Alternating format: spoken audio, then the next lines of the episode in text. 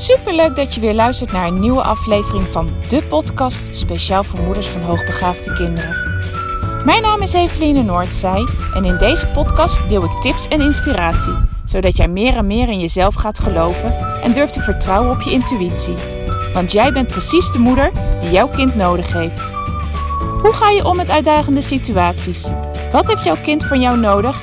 En hoe zorg je voor verandering in je gezinssituatie door jouw eigen persoonlijke groei? Ik heb er veel zin in om dit allemaal met jou te delen. Dus laten we voor vandaag maar gaan beginnen.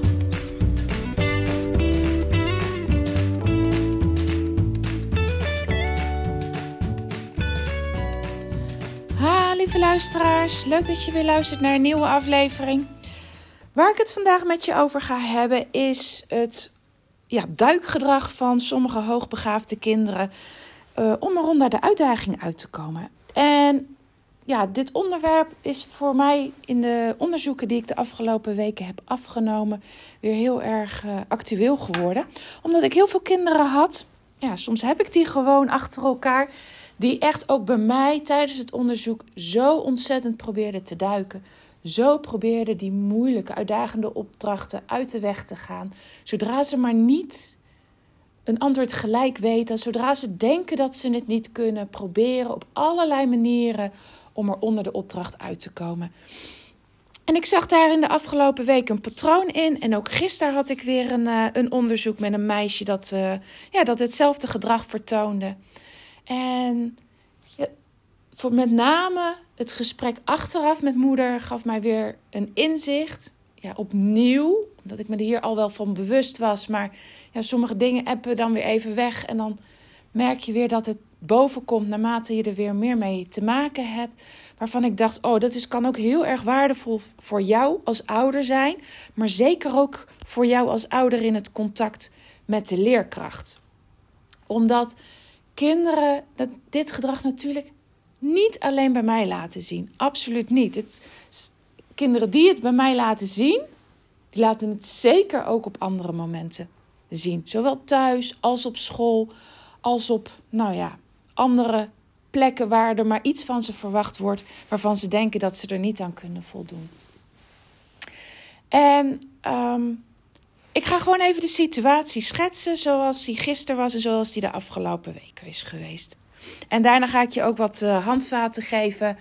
Uh, hoe je hier thuis mee om kan gaan. Hoe je hiermee kan omgaan in het gesprek met, uh, met, je, met de leerkrachten.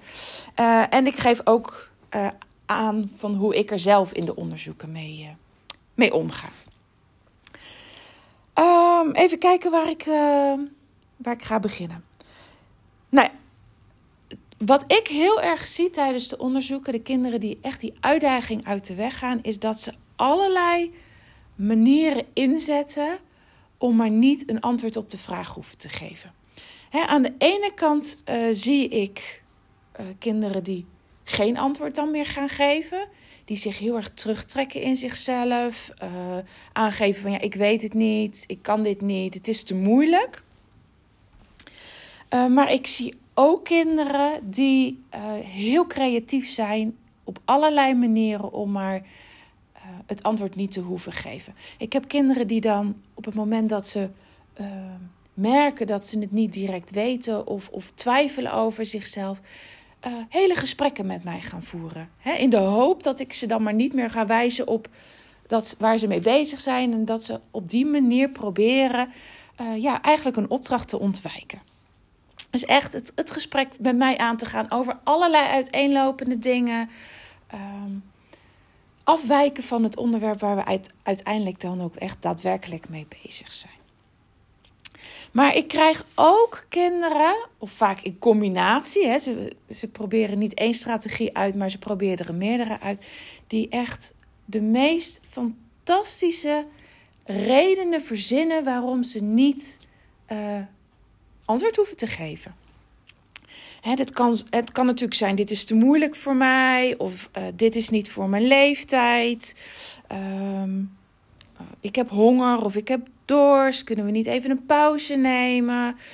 Uh, mijn ogen doen pijn van steeds maar in het boek hoeven, moeten kijken. Maar um, laatst had ik een jongen en dat vond ik echt een van de meest mooie die ik in de afgelopen uh, jaren heb gehoord, is hij zei tegen mij: Ik krijg altijd hoofdpijn als ik over iets moeilijks moet nadenken. En nou ja, prachtig verzonnen. Want ja, wie weet zou ik natuurlijk wel niet zeggen... oh, vervelend als je hoofdpijn krijgt. Ja, dat moeten we niet hebben. Laten we maar ermee stoppen. Nou ja, dat zeg ik natuurlijk niet. En ehm, ja, ik moest er echt heel erg om lachen. En hoe creatief uh, de kinderen wel niet zijn... om maar ja, ergens onderuit te kunnen komen. En nou, gisteren had ik dus het onderzoek van het meisje. En uh, nou, ook zij probeerde van alles. En tijdens het nagesprek wat ik met moeder had, uh, vertelde ik haar uh, nou, wat ze allemaal geprobeerd had. En dit herkende ze enorm. En ik vroeg haar van, ja, weet je, laat ze dit gedrag ook op school zien? Is dit ook waar ze mee op school onder moeilijke dingen uitkomt. En moeder kon dit direct beamen. Ze zei: Ja, absoluut. Dit doet zij zeker op school uh, net zo hard. En op school komt ze ermee weg. ze is verbaal gewoon heel, heel sterk. Ze is heel creatief. En ja, hiermee kan ze de, de leerkracht enorm goed om de tuin leiden. En ja, dit maakt dat, dat de moeilijke uitdaging of de, uit, het is nog niet eens, denk ik, dat het echt moeilijk voor haar is. Maar zij ervaart het als moeilijk. En ze komt overal mee weg. Ze kan overal mee uh, de leerkracht um, zodanig bespelen dat ze het niet hoeft te doen. Of dat ze zodanig veel hulp krijgt dat het al voorder gedaan wordt. En hierdoor kan ze, zoals moeder zei, in haar hangmatje blijven liggen. Ze kan achterover blijven leunen. Ze, kan, ze, ze hoeft niks aan te gaan. Ze hoeft niet geconfronteerd te worden met het feit dat ze denkt dat, ze, dat het er niet lukt en dat er toch iets van haar verwacht wordt. En ik besefte mij tijdens dat gesprek met deze moeder opnieuw hoe belangrijk het is dat ja, zowel ouders als leerkrachten zich hier echt bewust van zijn en, en gaan worden dat, dat dit is wat kinderen doen. Um, want wanneer je dit kan gaan doorzien, kan je er ook naar gaan handelen. Je kan er namelijk heel goed doorheen gaan prikken met deze kinderen. En dat is wat ik ook tijdens, deze, tijdens de, de onderzoeken van deze kinderen ook altijd doe. Weet je, ze komen bij mij daar absoluut niet mee weg. Hoe creatief ze ook zijn, hoe goed ze uh, ook iets kunnen bedenken hoe goed ze ook proberen mij af te leiden van waar ze mee bezig zijn, uh, uiteindelijk komen ze er niet mee weg. En dit heeft alles te maken met begrenzen. Begrenzen, begrenzen, begrenzen. En bij mij tijdens de onderzoeken begin ik hier al mee tijdens de uitleg over het onderzoek. Ik geef namelijk ze al aan wat ik van ze verwacht. En bij de afname van de KICT, de Kinderintelligentietest Plus, hè, de, de, uh, intelligentietest uh, die speciaal ontwikkeld is voor, de, ja, voor het testen van vermoedelijk hoogbegaafde kinderen. Die bestaat uit een drietal subtesten en elke subtest heeft 25 opdrachten. En de begrenzing waar ik al dus al bij begin is dat we alle opdrachten gaan maken. En dat ik op alle opdrachten een antwoord wil weten. Dus het geeft voor deze, deze kinderen al een kader aan van wat ik van ze verwacht. En die verwachting ligt hoog. Namelijk op alle vragen geef jij een antwoord. Um, dus, dus het geeft deze kinderen direct een houvast wat er van ze verwacht wordt. Daarnaast, um, wat ik doe, is ze ook begrenzen in de mogelijkheid om met mij gesprekken aan te gaan. En tuurlijk kan er eens eventjes uh, een praatje gemaakt worden, zelfs tussen een sub, uh, tijdens een subtest. Uh, maar een kind die dit continu inzet en niet dat er toevallig even iets ter sprake komt en dat een kind na een minuut uitleg geven ook direct weer verder gaat. Want die kinderen zie ik ook. Vind ik het helemaal niet erg om even van, van de opdracht af te wijken en het kind even de ruimte te geven. Want ik vind het ook heel belangrijk om in het contact met het kind te investeren. Dat maakt namelijk ook als ik investeer in het contact met het kind, dat ze zich meer op hun gemak voelen.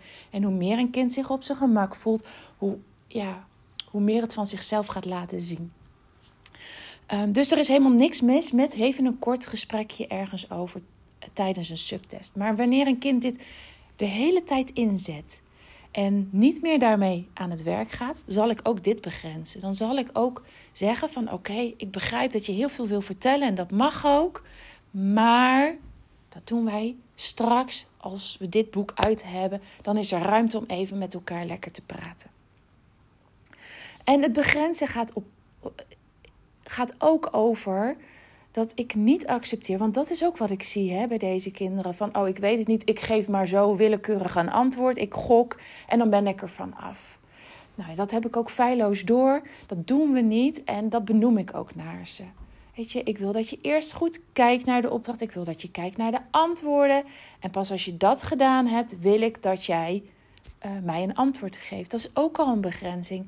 En um, een andere manier waarop ik ze, waarop ik ze ga begrenzen uh, als, als ze gokken, is dat ze moeten uitleggen hoe ze tot een antwoord zijn gekomen. Ja, en een kind dat zomaar een wilde gok doet, kan dat niet uitleggen. Um, dus op, op allerlei manieren ben ik tijdens zo'n onderzoek bezig om het kind te begrenzen met als doel dat het zich gaat inzetten en tot. Uh, tot een serieuze beantwoording van de vragen gaat komen.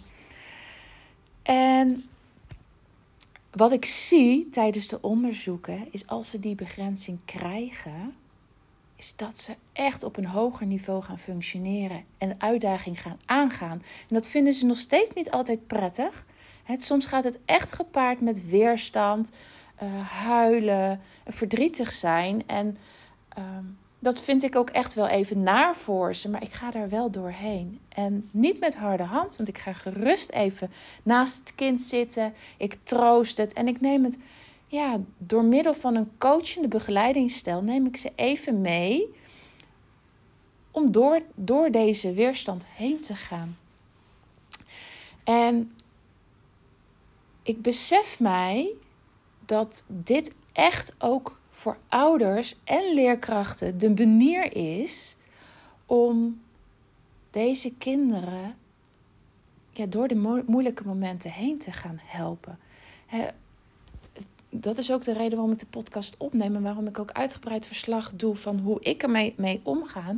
Is omdat ik daar, ik denk dat daar voor, voor jou als, als ouder, en misschien ben je wel ook leerkracht of ben je alleen leerkracht en heb je hiermee te maken enorme waardevolle handvaten in zitten. Want je kan deze kinderen echt door deze moeilijke momenten heen helpen. Maar het begint met het doorkrijgen wat deze kinderen aan het doen zijn. En dat is allerlei creatieve manieren inzetten om er onder de moeilijke momenten uit te komen. Uh, en wanneer je dat kan gaan doorzien, kan je ze aan de hand mee gaan nemen en ik bedoel niet aan de hand in de zin van je gaat alles voor ze doen en ze hoeven het alleen maar na te doen. Dat bedoel ik niet aan de hand meenemen. Uh, met aan de hand meenemen bedoel ik dat je ze echt coachend begeleidt op zo'n danige manier. En dat doe je door open vragen te stellen, zodat ze ook door het moeilijke moment heen gehaald worden. En dit is ontzettend waardevol omdat kinderen hierdoor gaan leren dat ze veel meer kunnen dan ze in, in eerste instantie zelf ja, bedenken. Het idee hebben van zichzelf. En dat is weer heel belangrijk voor de opbouw van zelfvertrouwen. Dus ga bij je kind na. En voor jezelf ook na. Wat doe jij? Wat doe jij als ouder? Wat doe jij als leerkracht op het moment dat een kind uh, ja, aangeeft dat het niet kan, dat het niet begrijpt, dat het probeert op allerlei creatieve manieren eronder uit te komen. Ben je je daar bewust van? En zo ja, wat doe jij dan? Neem jij het dan van het kind over? Dan ben ik van mening dat het het beste is dat je dat, laat ja, dat, je dat gaat loslaten. En dat je veel meer de, het kind meeneemt um, door het stellen van open vragen. Uh, om, om toch tot, tot een antwoord te gaan komen. En hiermee ga je het kind enorm veel. Uh, ja, dat, biedt het kind ontzettend veel. Je gaat ze enorm daarbij helpen. Um, en hierdoor ga je ook zelf veel meer zien wat je kind eigenlijk allemaal wel niet kan. En ik denk dat je verbaasd gaat zijn over wat jouw kind allemaal wel niet kan. En het is helemaal niet zo dat een kind dit als vervelend gaat ervaren. Ik krijg heel vaak van ouders terug, en zo ook gisteren, naar aanleiding van het uh, onderzoek van, uh, van het meisje wat ik gisteren um, heb onderzocht. En bij wie ik dan toch echt best wel, ja, in mijn ogen pittig ben geweest. Um, krijg ik van ouders ontzettend vaak terug dat, dat de kinderen het heel erg prettig bij mij hebben gevonden. En ik geloof daar ook echt in. Ik geloof dat kinderen uh, het heel prettig vinden ook dat ze hierin begrensd gaan worden. En wat, um, wat ik van de moeder van, van het meisje van gisteren dan terugkrijg is... Uh, Fijn dat je haar zo goed hebt gezien. We zijn heel blij en opgelucht met de manier waarop je de test hebt afgenomen en alle ruimte hebt, hebt geboden, maar wel haar hebt begrensd. Dat was echt precies wat zij nodig had. Ze vertelde er thuis enthousiast over. Ze vond jou ook heel leuk en ze was ook trots dat ze niet had opgegeven toen het moeilijk was.